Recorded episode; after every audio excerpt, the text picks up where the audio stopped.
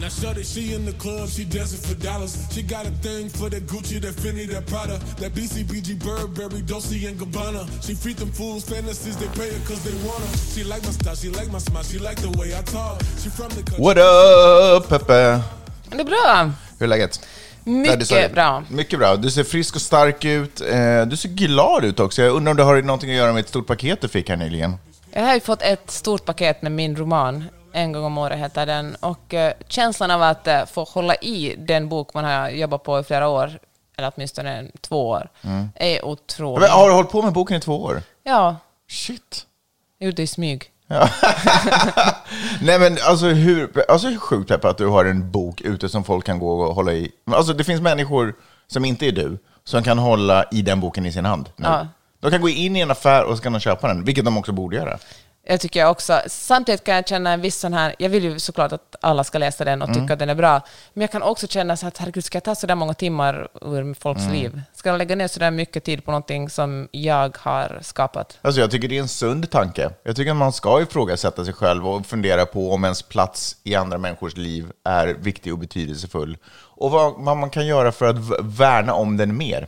Att inte hålla, för det är så jäkla många människor som slösar andra människors tid med alla tänkbara saker. Och människor som har verkligen är sådär, men gud, kunde du, alltså förstår du att det här upptar mitt liv just nu? Backa. Så jag tycker det är fint att du faktiskt eh, funderar på att eh, förtjänar jag den här platsen i andra människors liv? Jag tycker det är jättefint. Tack. Så det var bra gjort. Men och, jag är otroligt imponerad. Kan inte du bara kort lite berätta om din bok? Vad handlar den om? Okej, det handlar om en kvinna som äh, träffar en man som har två barn från ett tidigare äktenskap. De blir kära, de gifter sig, hon äh, blir som en äh, styvmamma, extra mamma till de barnen, hon älskar dem väldigt mycket. Mannens exfru är väldigt involverad, hon har en ny man själv också, men hon är ändå väldigt så här, involverad i, i sitt forna äktenskap och, och äh, påverkar ganska mycket sin exman. Och eh, den här huvudpersonen känner att eh, hennes vilja blir åsidosatt hela tiden. Hon längtar till exempel efter att bli gravid, men hennes man är sådär, men vi har ju en barn, alltså han har en barn och han är inte redo att bli gravid med henne. Och hon eh, vill göra karriär, men det är alltid hon som måste stanna hemma och vabba och liksom, det, hans karriär kommer alltid före hennes karriär. Och också städar han undan i köket bara till 80 procent, vilket stör henne otroligt mycket. Och så leder det här till att hon bestämmer sig för att ta en älskare som hon träffar en gång om året. Och den här personen hon känner med den här älskaren ger henne så mycket glädje och livskraft så hon, hon orkar se mellan fingrarna på allt annat som inte är så bra i sin relation och, och kan vara ganska lycklig med sin man. Hur kom du på den här idén? Ja, Men det var en gång som jag fick hem från min älskare. Och det, nej, men ehm, jag vet inte. Alltså, tala med folk. Och, alltså, när man som författare så ser man ju av andra människors historier. Liksom. Och nu säger jag inte att någon annan har gjort det här Men det är systemet. någon annan som har skrivit den här boken, eller? Nej, men när folk berättar om, om någon säger någonting som Mm. den har gjort, typ så här. Och då tänker man, hmm, det är en jättebra scen i en roman. Och sen funderar man på den och sen är det som man är barn och leker med Barbie-dockor. Man är sådär, men om den här Barbien går hit och Mm. träffar den där och träffar Ken, vad händer då? Det är verkligen otroligt roligt att få leka med, eh, med hittepå-människor. Det är som att ska, alltså, så just den här känslan att skapa sin egen värld och utforska den. Och också utforska en tanke. För en grundtanke i den här boken är vad är värre, att vara otrogen en gång om året? Ju, många säger ju att det värsta man kan göra mot en relation är att vara otrogen. Eller det här ständiga smånötande, att vara den som är tvungen att ha ansvar för det emotionella arbetet och det oavlönade hushållsarbetet.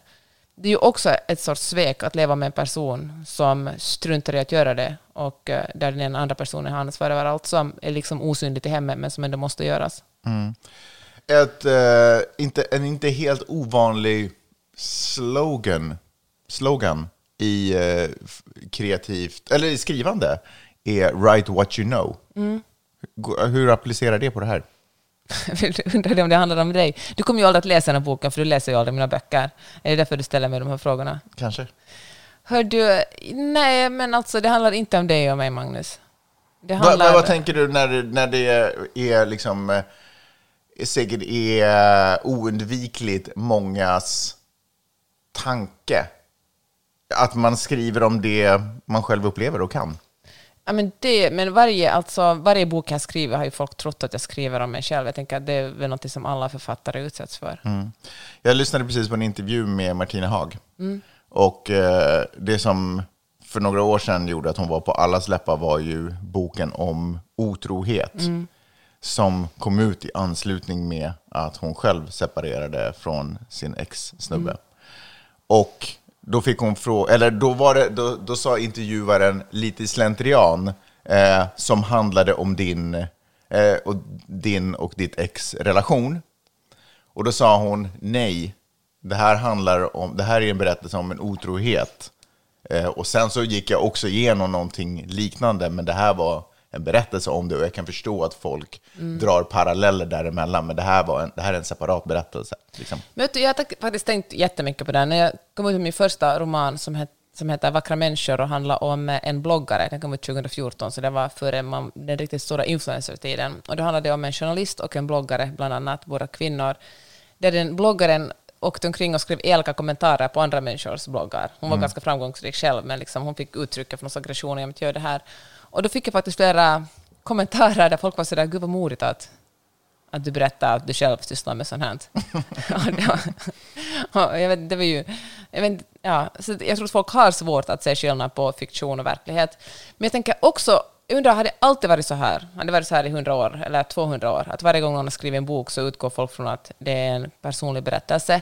Eller har det någonting att göra med att vi lever i ett influencersamhälle där eh, folk bara pratar om sig själva och berättar historien om sig själva?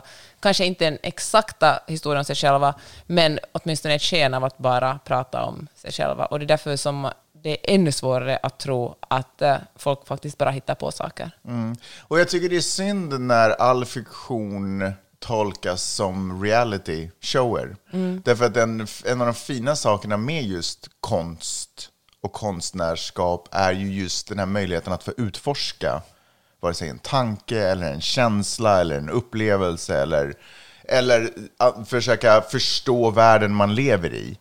Och då, då måste man ju få dra det åt olika håll och det blir ju jättejobbigt om man hela tiden ska om man hamnar i en situation där man måste försvara sina egna tankar. Det här är bara en tanke som jag utforskar som, som du kan få vara med på. Eh, och så kanske vi kan komma fram till någonting tillsammans. Eller vi kanske kommer fram till att vi kommer fram till olika saker. Men vad det än, vad det än är så är det ju en resa man ger sig in på. Att det har för, varit för mycket så här true crime, true this, reality shower här. Allting är liksom Men baserat... det är också det, alltså Kardashians är också skriptat. Alltså, det är ju också reality show är skripter, det är liksom inte... Jo, men där är det ju skriptat för att efterlikna Sant. världen så mycket. Där vill man ju nästan komma undan med att det här är Mm. sant. Verkligen, men det är ju det poängen med den. Är, men så jag tänker också att om man, det- om man som författare börjar tänka det under processen att skriva en roman, då tror jag att man censurerar sig själv otroligt mycket. Och då blir det lite sämre litteratur. Så jag tror att eh, folk får verkligen chilla med att tro att alla skriver om sig själva. Ja, så är det. Eh, vi har inte ens startat podden. Vi gör det. Okej.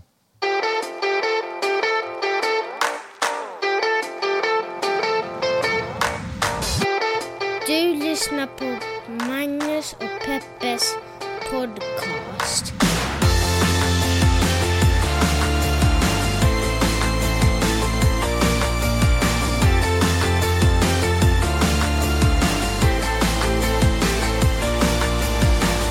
Jajamensan, du lyssnar på Magnus Peppers podcast. En podcast eh, som handlar om... Eh, De stora och små sakerna. Just det, och så ser vi på dem ur ett journalistiskt, feministiskt och mediegranskande perspektiv. Eh, jag är er host, jag heter Magnus Silvenius Öhman och med mig idag har jag författaren, journalisten och mediegranskaren Jeanette Öhman. Hej. Så roligt att vara här. Tack för att jag får vara med. Det är så roligt att du får vara med i din egen podd. Nej men okej, så, så det har hänt. Du har släppt en bok, eller den har kommit till dig. Sjukt. Hur har veckan annars varit? Den har varit bra. Är du stressad? Ehm, nu blir jag lite stressad. Varför då? Den senaste veckan. Men inte så här, nu i sekunden, men det har varit en ganska lugn månad. Mm, varför och nu blir du stressad det komma på jobb. Nej, men nu du frågar mig hur jag, om jag är stressad, då var jag så här, nej. Okej. Men eh, nej, alltså jag, det varit en fin vecka. Vi har gjort mycket tillsammans. Vi har varit på en roadtrip till norra Kalifornien. Just det, det har vi varit ja. Otroligt vackert. Shout out till uh, Norra Kalifornien. Daniel Illich Ja. och norra Kalifornien. och eh, vi har uh, ridit hästar, surfat surfbräden och Mm. eh, hängt med kompisar från Stockholm. Så det var en eh, ja, men bra spring break. Roadtrip, det, okej, roadtrips är oftast riktigt roliga de första timmarna. Mindre roligt ju närmare målet man kommer, för då är det så här, nu vill jag... Det är lite som att vara bajsnödig. Men Typ. vilken äcklig jämförelse. Alltså så här, i början går det bra, men ju närmare målet man kommer, desto bara, vill man bara bli av med skiten. men, eh, men det måste ju ändå säga att det här landet är på många sätt väldigt belönande. Eh, därför att naturen skiftar så mycket beroende på var man befinner sig i, det här landet. Den är så otroligt lokal, naturen, nästan kan man nästan känna. Eh, och norra Kalifornien är ju otroligt vacker längs med kustremsan där vattnet är azurblått men vilt och slår mot Irlands liknande, så jag föreställer mig att Irland ser ut, Irlands liknande klippor eh, med en ljummen bris. Och så några meter inåt känns det som så befinner man sig i en, i en redwood skog där när som helst en velociraptor skulle kunna kliva ut bakom trädet. Alltså som känns så forn, urtida. Eh, Eh, det- Jag tycker att det är otrolskt och eh, farligt. Liksom. Äh, men det, jag tycker att det är... um, Allt det, är lite mer dramatiskt här än det, hemma i det är Norden. dramatiskt. Det är dramatiskt och Instagram-filtret är på hela tiden, Mm. känns det som. Eh, Det, jag tycker att det är... Jag är hänför. Jag tycker att det är otroligt vackert att åka runt i Sverige också. Den miljön är jag ju mer van vid. Så att när jag, om jag kommer upp i... Jag har ju varit i, liksom, i Norrland och det är otroligt vackert. Midnattssolen eller... Eller vad heter det där ljusfenomenet på himlen på natten? Norrsken. Norrskenet. Eller du vet, bergstopp. Alltså, allt är ju naturligtvis också vackert, men mer hemtamt. Alltså hemvant. Så att jag, det här är ju vyer som jag borderline aldrig har sett förut och därför är de ju förstås häpnadsväckande. Ja, skitsamma. Shoutout till norra Kalifornien skulle jag vilja säga. Ja, håller med. Mm. Det var fint. Jag skulle tala om demokrati och hur världen blir mindre demokratisk Okej. hela tiden, vilket är ju otroligt tråkigt. Och det här är ingen magkänsla, utan det här är någonting som eh, Freedom House, som är en organisation för mänskliga rättigheter, de mäter alltså hur, eh, hur det står till med demokratin. Okej. Och eh, om vi nu gör Är det shoutouts här. freedomhouse.org eller? Var Ja. kan man gå in och kolla på det här? Ja, grymt. Och eh, där till exempel USAs demokrati har ju eh, blivit sämre de senaste, inte, alltså till och med före Trump har den blivit sämre. Alltså Trump drog ner demokratin ordentligt, men det var svajigt redan innan det. Och eh, på många ställen i Europa går vi åt samma håll, och då tänker jag kanske mest på Polen till exempel, eller Ungern. Och eh, då lyssnade jag på um, This American Life här i natt när jag inte kunde sova. Och eh, då hörde jag, det handlar om Viktor Orbán som ju är president, han har suttit 12 år som president för Ungern och eh, blev omvald nu för bara någon vecka sedan. Och eh, själva president, eller liksom kampanjen, eller den tiden som ledde upp till presidentvalet, då hade, det fanns det ändå en liten det fanns ett litet hopp att han skulle förlora presidentvalet eftersom alla de andra partierna gick ihop, alltså från, från vänster till höger. Det var typ så här några fascister som till och med fick vara med, för det var så viktigt att få bort Viktor Orban. Men eh, de misslyckades. Men eh, tyvärr. Men då, han vann väl ganska stort. Men han vann också på... Alltså det såg ut, om man bara kollar snabbt och kisar lite, såg det ut som ett ganska demokratiskt val eftersom eh, oppositionspartierna fick tid att till exempel prata om vad de jobbar för, och, eller vad liksom kandidaterna jobbar för. Men de, fick bara, de andra kandidaterna fick bara fem minuter tv-tid. Och då var det så att man sände ett en timme långt eh, tal med Viktor Orbán. Och så fick motkandidaten fem minuter. Det var verkligen en klocka på väggen, fem minuter. Och så fort det var över så fick Viktor Orbán igen en timme. Då sände man samma tal som man sände före opponenten. Så det var mest en, en chimär av, eh, av demokrati. Och eh, för det har jag tänkt mycket på, sånt sysslar med i Ryssland också, även innan den här... Eh, eller jag vet att Anna-Lena Laurén, som är en otrolig korrespondent, har skrivit mycket om det här, hur man i Ryssland på sig skjutsar runt folk till olika vallokaler och har dem att... Eh, det känns som ett väldigt komplicerat system. Skjutsar runt dem i stora bussar och så där, nu får ni rösta i den här kommunen. Och så röstar de där på den kandidat som Putin vill att man röstar på. Och sen åker man vidare. Och eh, det är valfusk, men det är ändå val. Och jag tänkte på det, varför har man, orkar man ens eh, borde man inte bara göra som i Nordkorea eller liksom Saudiarabien eller Förenade Arabemiraten och inte ens liksom fejka att, att man håller sig med någon slags demokrati. Men, eh, men det gör man ändå. Alltså alla vet att det är fejk, men man är ändå på en låtsasdemokrati. Och jag undrar, och jag fick inget riktigt svar på det, varför det är så. Handlar det om att folket, känns bättre för folket? Alltså om man, om man går med i den lögnen, man är inte fast att det här är inte demokratiskt, men det känns ändå lite demokratiskt, så kanske vi inte liksom startar kravaller idag. Mm. Eller, eller vad, vad, tror du? Ja, men jag tänker, undrar om det inte är någonting man egentligen gör lite mer inledningsvis, i, i liksom i, mm. som en del av projektet, gör det här till en totalitär stat. För att i början så finns det ju förstås kritisk media och det finns förstås kritisk, som, som man vill kunna visa upp någon form av siffror mot. Men jag menar, ju mer totalitärt staten blir, desto mindre finns ju opposition heller. Så det är ju ingen som kommer ifrågasätta siffrorna ändå i slutändan. Och när gör man det så får man ett giftpiller och sen så är den saken avklarad. Mm. Ja. Ja, men det är otroligt deppigt. Det var ju det som hände i Polen också. Nu har ju Polen fått väldigt mycket jag vet inte, upprättelse, men så här, bra PR i och med att det har kommit så många flyktingar genom Polen från, från Ukraina. Mm. Men eh, alltså Polen är ju också ingen demokrati alls. Där gjorde man ju också så att man bara gav sparken åt alla som jobbar på public service, och det gjorde man i Ungern i och för sig också. Det väl det man börjar med, att, att uh, kicka ut uh, journalister som kan rapportera om val och vad som händer i landet och sätta in liksom sina egna så att säga, lojala rapport, rap, rapporten. Fast det måste man väl ändå säga att upp till den punkten så har, alltså det är väl där någonstans demokratin pikar, när demokratin till och med låter antidemokratiska mm. eh, personer ta makten, när de kan ta makten genom demokra en demokratisk process, då har väl på något sätt demokratin uppfyllt sitt yttersta syfte. Alltså, men förstår mm. vad jag mm. menar? För det är väl... Då, då har den åtminstone satts på sitt yttersta prov egentligen. Ja, men fan det är svårt. Och för... den har visat sig fungera. Sant, men till exempel i USA, hur, hur bra fungerar det? Efter, demokrati är ju sådär majoritet, det som majoriteten vill, det ska vi, vi följer majoritetens röst. Men i USA är det ju ganska vanligt att republikanska presidenter inte alls får majoritetens röst, utan Nej. för att vi har ett, vi, alltså herregud, de har ett elektorsval. Mm. Så att eh, Trump förlorar ju med, hur många var det, åtta miljoner röster, sex miljoner röster, men alltså många miljoner röster. Och eh, det gjorde George Bush också. Jag menar, det det finns... Du eh, menar då det året som Trump kom till makten? Ja, mm. och, eh, och, ja precis.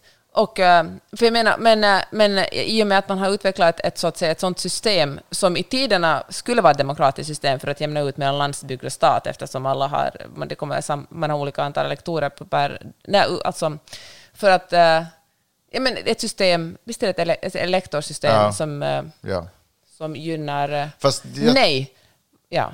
Fast jag tycker, du menar det här när man ritar upp en karta på vilka kvarter som Nej, är basically... inte gerrymandering, för det har ju egentligen ingenting med presidentval att göra, men det är ju också otroligt odemokratiskt. Mm. Det har, det får jag bara säga en sak? Får jag bara bryta in? Eh, jag tycker ändå att det är skillnad på det amerikanska demokratiska systemet och till exempel det som vi ser i Polen, kanske Absolut. till och med också i Frankrike. Eh, Danmark. Nej, men inte Frankrike. Va? Ja, men Danmark, för Frankrike så där är ju Le Pen eh, Heter hon så? Ja, ja. Marine Le Pen. Och hon är ju ganska höger, om vi säger så. Hon är ju extremt höger. Ja, precis. Så jag menar, så här är det ju liksom demokratiska processer där människor... Okej, okay, du menar på så sätt att hon kanske inte vill göra Frankrike till en totalitär stat och ta över Nej. det som... Okej, okay, men... Eller vad vet jag? Ja, Okej, okay, men oavsett eh, så ska jag säga att USA är annorlunda. För här tror jag inte att ambitionen är att... Alltså man har inte du vet, allt ifrån processer som gerrymandering eller, eller det här elektors, hela den komplicerade mm. processen, den är liksom inte riktigt till för att en diktator ska kunna komma till makten. Den är ju, diktil, den är ju, diktil, den är ju till för att hålla svarta utifrån mm. processen. Det är ju rasism, den är ju baserad på en grundläggande rasism, mm. att bara hålla minoriteter borta mm. ifrån beslutsfattandet. Sant. Men, men sen är ju tanken att det ska vara liksom vita presidenter som rullar fram och tillbaka i ett demokratiskt mm. fungerande system där en viss del av befolkningen inte har tillgång till makten. Mm. Men det okay, tror jag är en ja. avsevärd skillnad ändå, även fast det inte är en så bättre sant. sak. Nej, men så sant. Och att det är svårare för svarta att rösta och så vidare. Ja, precis. Men äh, okej, okay, fair enough. Men det som jag menar, att äh, rent demokratiskt så är det ju inte majoriteten som väljer president vanligtvis. Nej. Utan det är ju ett system som gör det så att man kan vinna utan att ha folkets stöd. Men det som jag tänkte på... Det Om man så, inte pratar om en ekonomisk majoritet. Ja, sant. Men det kanske inte... Vilket man, man kanske inte ens borde hymla med. Nej, men en demokrati handlar ju inte om ekonom... Alltså, den ekonom... Hmm. Fast det finns väl fler... fattiga än rika i USA. Jo, men de har inte större ekonomisk Ja, makt. du menar summan av Ja. pengars makt? Det, ja, det, men det, är ju är pengar som får rösta, undrar- inte människor. Men jag undrar vad det heter, för det måste ju finnas någon slags namn på det Mm. när det ekonomin... Ah, kapitalism!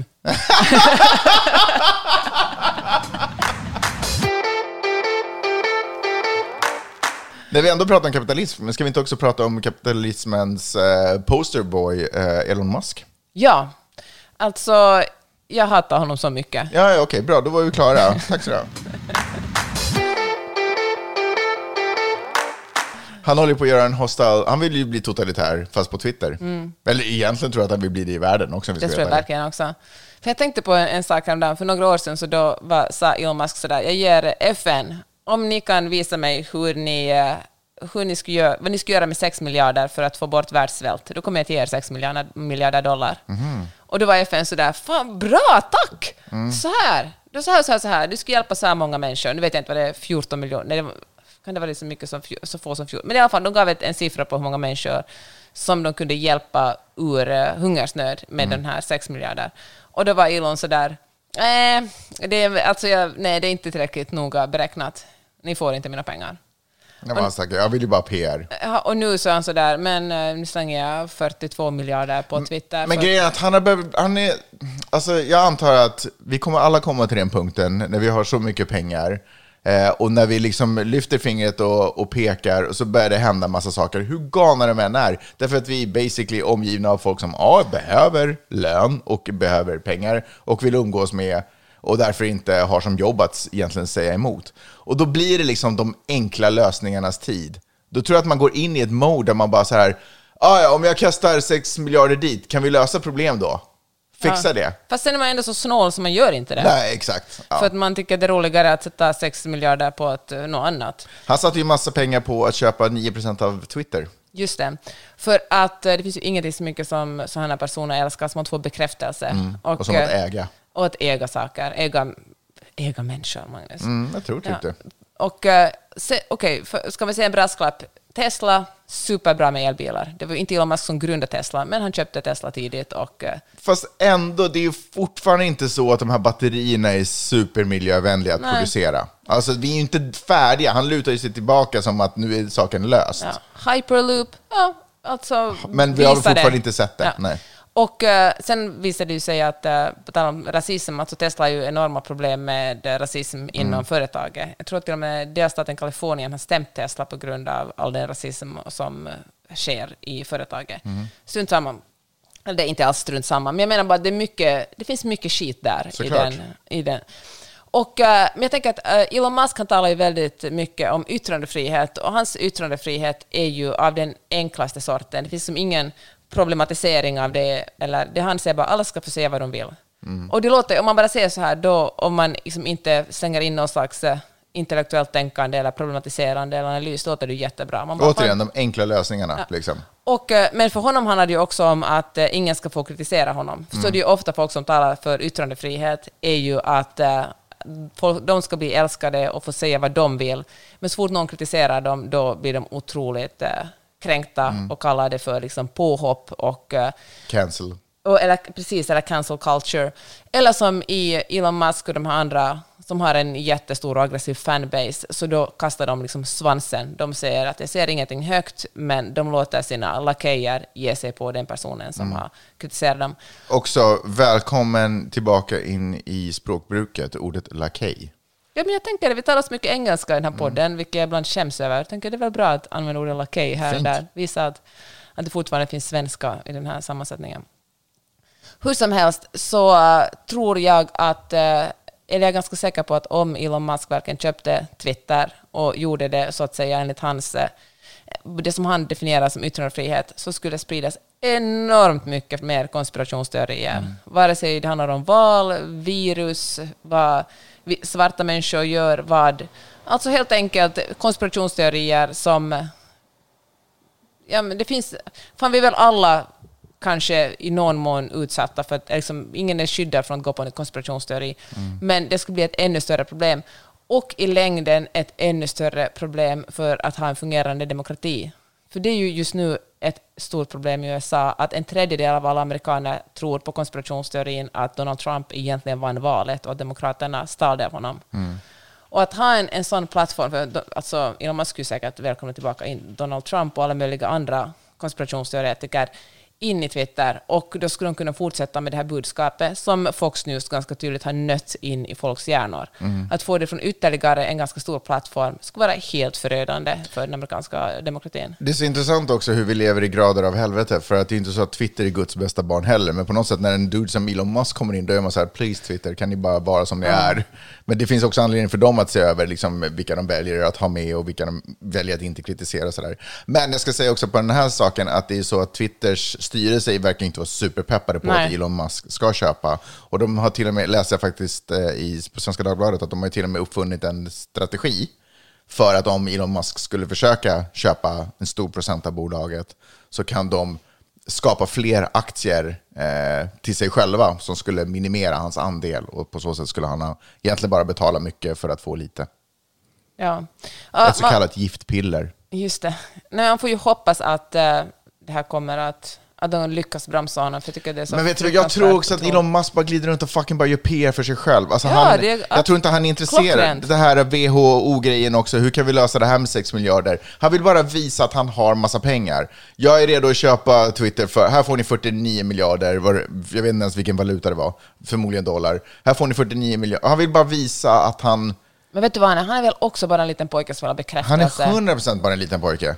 Och alltså, men det är bara väldigt sorgligt när en så liten person har så mycket pengar och därmed så mycket makt och så många följare. Mm. Men för att det kan att- verkligen ha jätteskadliga följder. Ja, men också, alltså, vi måste komma bort ifrån den här tanken om att rika människor, och verkligen svinrika människor, att de är betydelsefulla på något annat sätt än att de har skapat företag som har gett arbetsmöjligheter till, till människor och kanske till och med innovationer. Men att de också skulle vara betydelsefulla i andra områden. Det är liksom, eller att de skulle vara smartare än andra människor för att de har en unicorn. Det är, liksom inte, det är inte så. Tvärtom kan de till och med vara dummare än alla andra människor. Därför att de har tappat all känsla för normalt liv och normalt beteende och är så liksom disconnected till den verkliga världen. Så att de, det är liksom, det är typ inte hälsosamt. Men vet du vad, jag, en grej som anknyter till det här, för i USA är ju verkligen pengar och att visa att man har pengar ett tecken på att man är lyckad och således också lycklig. Och eh, Finland blir ju år efter år vald som världens lyckligaste land. Och det var en, eh, en skribent, en journalist i Washington Post som skrev om det här och hade en jätteintressant teori. Det här finns att läsa i mitt nyhetsbrev för övrigt, den här eh, texten. Men det där, förlåt, men det där är ju absurt redan från början. Vadå? Att Finland skulle klassas som det lyckligaste landet på jorden. Hold your horses. Okej, Okej, okej. så här. Hon sa att hon, var, hon själv bodde hon i Finland eh, någon gång i tidigt 2000-tal som utbyteselev. Och hon tyckte det var så konstigt för hon kunde sitta vid frukostbordet och eh, ingen log mot henne. Pappan i familjen sa inget. Han kunde liksom knappt säga godmorgon. Han bara satt och stirrade ut. Och, eh, och så då lärde hon sig det här att eh, Ken on, Ken, alltså, kan inte säga för jag tar inte finska längre, men den som har lyckan, den ska lyckan gömma. I Finland finns ett sånt uttryck, att man ska liksom inte visa om det går bra för en. Alltså motsatsen till USA, där man ska visa... Att det går, inte Ja. går bra för en. Men man ska visa... Alltså- fake it till you make it. Ja, liksom, verkligen. Det är liksom lite också så här att influencer-anda. att Man ska visa att det går lite bättre för en än vad det egentligen går. Men i Finland är det ju jättefult. Och, vet, och i den kulturen växte jag också upp. Alltså min mamma skulle aldrig ha skrutit om mig. Hon tyckte det fula som fanns var människor som skröt om sina barn. Hon var att om man har bra barn då liksom håller man det för sig själv. Och jag kommer ihåg att jag tyckte det var ganska irriterande, men ja, det, var en, det är den finska kulturen. Och den här lyckan visar, alltså folk ler ju inte så ofta eller pratar med varandra. Men som den här Washington Post-journalisten definierar lycka var helt enkelt tryggheten. Alltså det finns en form av trygghet i Finland. För det första är det ett av världens mest, minst korrupta länder, ett av världens mest demokratiska länder, som de andra nordiska länderna också. Och eh, det finns någon slags eh, ekonomiskt skyddsnät. Fine, jag fattar att det finns liksom stora hål i det också, men jämfört med USA så är det ett ganska tajt nät. Och eh, just den, ja, den tanken att man behöver inte liksom skrika ut hur bra det går för en och känslan av att man är ganska trygg. Alltså man har liksom Maslows behov, behovstriangel ganska bra koll på den. Alltså. Och det gör att Finland är världens lyckligaste land. Jag skulle vilja tala om ett återkommande tema i den här podden, nämligen aborträtten. Bra. Kampen om aborträtten. Kamp, kamp, kampen om aborträtten. Kampen om aborträtten. Och det kanske känns som att det är tjatigt, men det, hur som helst, i USA ser det mörkt ut för aborträtten och kvinnors rätt till sina egna kroppar. Det har ju varit någonting som har varit självklart ganska många år. Ända sedan 1973 har abort varit lagligt på federal nivå i hela USA. Och i praktiken betyder det att eh, man ska kunna göra abort fram tills att eh, fostret kan klara sig utanför mammans mage. Mm. Och tanken var att var och en ansvarar för sin egen kropp, eller bestämmer över sin egen kropp. Precis. Eftersom det inte finns något skrivet om eh, abort i konstitutionen, alltså grundlagen, så gjorde man 1973 gick man igenom vad menar man egentligen, de här personerna som skrev konstitutionen, och så kom man på att eh, att det handlar om privatliv. En kvinna har rätt till sitt eget privatliv och privatliv betyder abort. Man har rätt till abort. Hur som helst, nu kommer det antagligen att lyftas upp den här frågan i högsta domstolen igen och det beror på att väldigt många delstater håller på att förbjuda abort.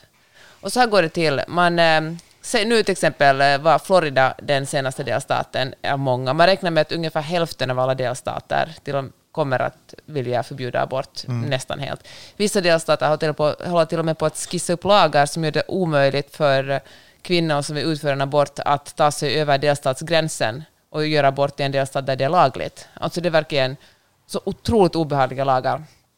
Och så här går det till. Säg att Ron DeSantis som är guvernör och antagligen presidentkandidat i Florida, han skrev nu på en, en lag som förbjuder abort fram till vecka 15, som ändå, alltså det är fruktansvärt, men ändå lite generösare än många andra delstater som har förbjudit abort så tidigt att, och abort, liksom, även om man blir våldtagen eller incest, vad som helst. Fruktansvärt. Och, eh, och då är det så här, då skriver en delstatsguvernör på en sån här lag, och då finns det alltid de organisationer, till exempel Plant Parenthood, som är så där, hallå där, den här lagen är, går mot grundlagen, du kan inte stifta en sån här lag. Och då går den vidare till en högre instans och landar eventuellt förr eller senare hos Högsta domstolen. Och det är Högsta domstolen som prövar det här igen, för att lagar är ju sånt som förändras. Samhället förändras och det är därför som det, lagen är inte något konstant utan något som man utvecklar. Mm. Och fram tills alldeles nyligen Högsta domstolen alltid sagt nej. De har sagt sådär att ja, vilken dum lag, det är klart abort det står klart tydligt i konstitutionen, det är klart att, att ni inte, delstatsguvernören, kan stifta en sån lag vi går vidare. Men just nu består Högsta domstolen av sex stycken konservativa domare. Och eh, domarna i Högsta domstolen är inte politiska, men det är ofta väldigt tydligt vilka som är liberala, ofta utnämnda av en, en demokratisk president, och vilka som är konservativa, alltså utnämnda av en republikansk president. Och just nu finns det mycket, eller väldigt mycket, många fler konservativa domare. Och uh, de verkar vara ganska sugna på att ta upp den här frågan. Roe vs. Way heter den, kommer från 1973. Och uh, kommer de att börja behandla den här frågan är det inte omöjligt, till och med ganska sannolikt, att de säger nej, att de här guvernörerna, till exempel Ron DeSantis, har helt rätt i att skriva på en lag som förbjuder abort fram till vecka 15, eller kanske någon av deras fram till vecka 6. Mm. Och, uh, och då gör, leder det till att en massa, massa kvinnor inte har rätten till sina egna kroppar. Och det som är det allra sorgligaste här... I åtminstone hundra år tills eh, Högsta domstolen har förändrats igen kanske. Precis, för man sitter ju på livstid i domstolen också. Mm. Och uh, det som är tragiskt här är att abortförbud leder ju aldrig till färre aborter, utan det leder bara till färre säkra aborter. Kvinnor kommer ju fortfarande att göra abort, alltså vare sig det är hemma eller på något annat sätt med någon som inte riktigt är utbildad att utföra en abort. Så det leder ju till en massa väldigt obehagliga situationer. Mm. Och det här är ju en del av det som man kallar kulturkriget i USA, där man trycker väldigt hårt på från konservativt håll. Det handlar liksom om, om hudfärgsfrågor, det som du har talat tidigare om i podden, Magnus, om critical race theory. Ingen verkar riktigt förstå vad critical race theory är, men det har sålts in så här att det är en, det handlar om strukturell rasism, att man helt enkelt lär ut om slaveriet och hur det kommer sig att man är lite mer privilegierad som vit än som svart i USA. Mm. Men i många vita konservativa kretsar hade sålts in, bland annat som, av, av Tucker Carlson på, på Fox News, som ett sätt att få vita barn att hata sitt eget land och känna någon slags arvsskuld på grund av att deras förfäder ägde slavar. Mm. Och när man säljer in det så här till föräldrar med barn i skolan, ingen vill väl att ens barn ska ska må dåligt i skolan. Och då, började, då får man föräldrar att protestera mot uh, det, och det ironiska är att det finns ju inte ens ännu där critical race theory, det finns inget ämne som heter något sånt. Men man väcker väldigt många känslor, jag tror att abort det faller in under samma kategori eftersom det är väldigt lätt att ha en åsikt om det och det väcker, väcker väldigt många känslor. Och det är ett sätt att också piska upp demokratiska, äh, republikanska väljare inför det kommande mellanårsvalet som nu sker i, i höst här i USA.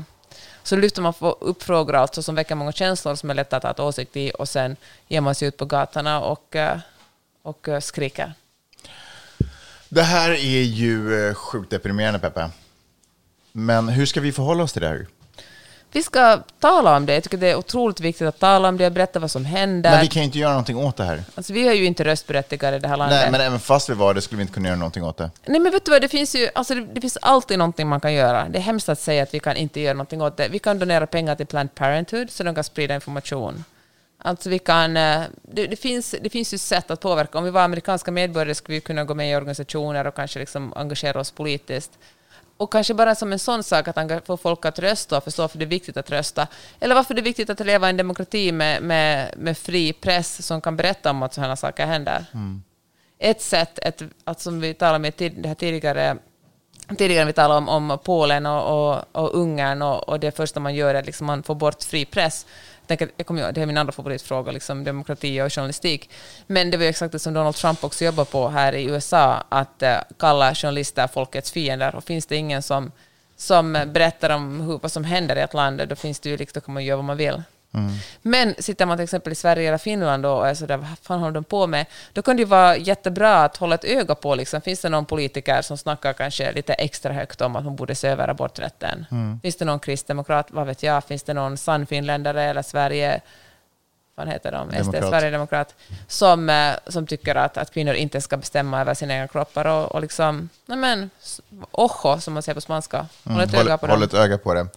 Precis, för det tycker jag nästan, det är väl en av de saker man åtminstone kan ta till sig, att inte inbilla sig att det här är en isolerad händelse i USA eller någon annan, eh, något annat katolskt eller något annat religiöst land eller ja, ni fattar vad jag menar, utan att det här kan liksom det här är tankegångar och tankegångar kan spridas med vinden och slå rot vad fan som helst. Så att man lite håller koll på sin egen omgivning. Verkligen. Och en sån här sak, alltså abortförbud i ett land påverkar andra människor än folk i deras land. Ett jättebra exempel till exempel Polen just nu som är ett, har en otroligt sträng abortlagstiftning. Det är praktiskt taget omöjligt att göra abort där.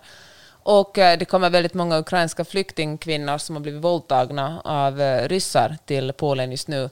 Och äh, hinner oftast inte vidare till andra länder där abort är lagligt. Och, äh, ja, och det är ju en fruktansvärd tragedi i tragedin det också. Mm, det är det verkligen. Mörker. Jag tänkte lyfta upp någonting annat som egentligen inte är mycket ljusare. Okej, okay. så okay. vilken ovanlig podd vi inte skrattar så mycket. Det här momentet i podden kall, har jag valt att kalla för Nothing Else Matters.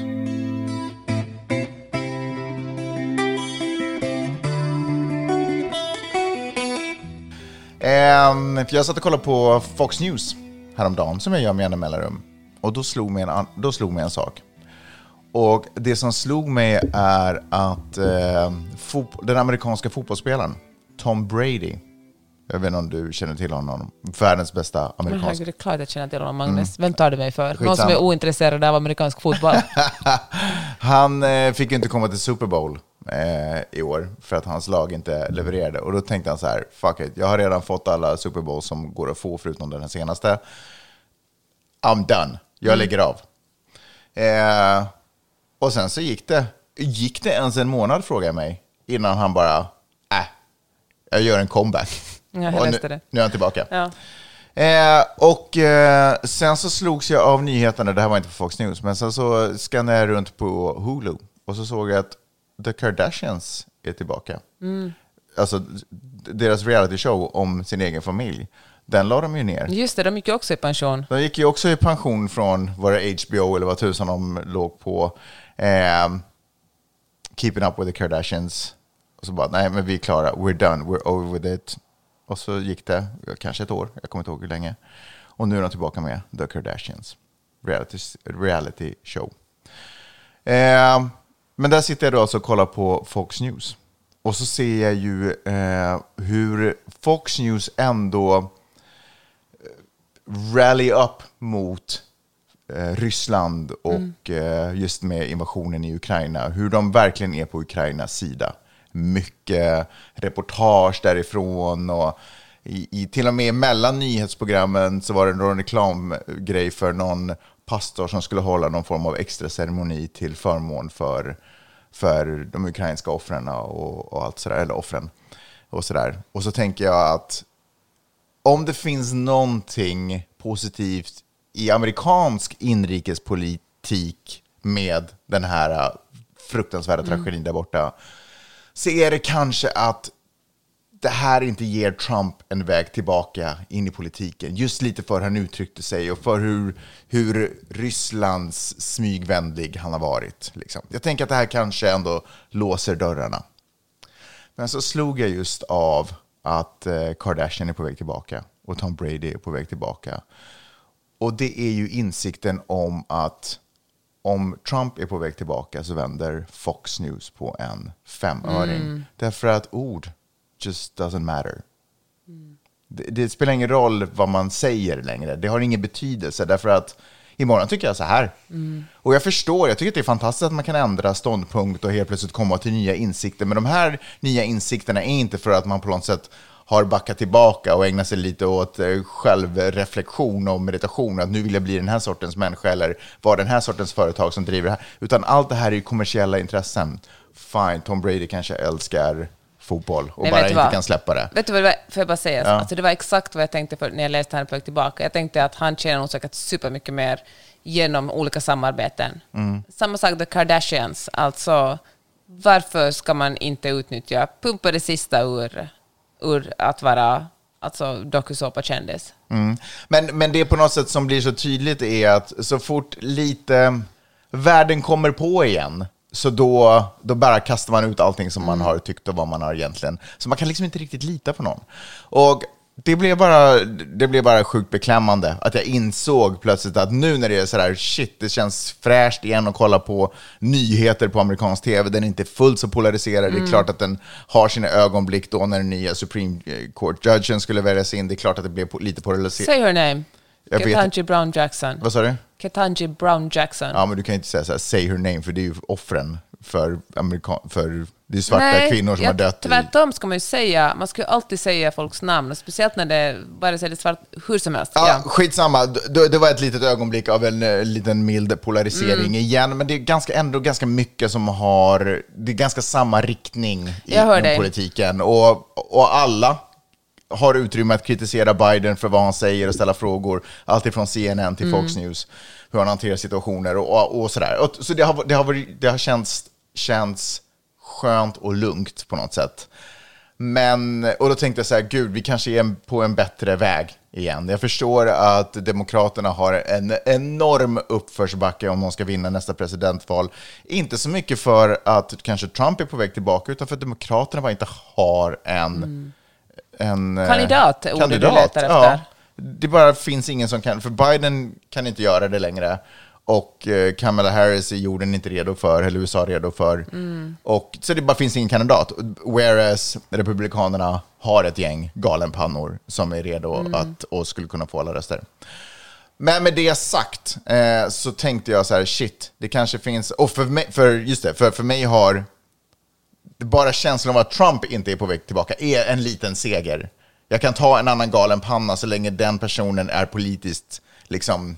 Du tar Ron DeSantis framför... Ja, för han är ändå politiker. Mm. Han är galen men ändå politiker och kan mm. så, sådär. Men finns det också någonting i det du vill att Trump ska vara lite förnedrad? Nej, det gör det faktiskt inte. Jag vill inte att Trump ska existera i den politiska världen. Vet du vad, han får jättegärna gå tillbaka till underhållningsbranschen. Mm. Jag kanske till och med skulle kolla på det. Men jag vill inte ha honom i politiska frågor. Jag vill inte att han för han är bara där för sitt ego, eget egos mm. skull och jag, jag, tycker inte att det känns Det är så hemskt för att han representerar en så otroligt stor del USA jo. faktiskt på grund av det. För en jättestor del av kulturen är att man ska bara gynna sig själv. Mm.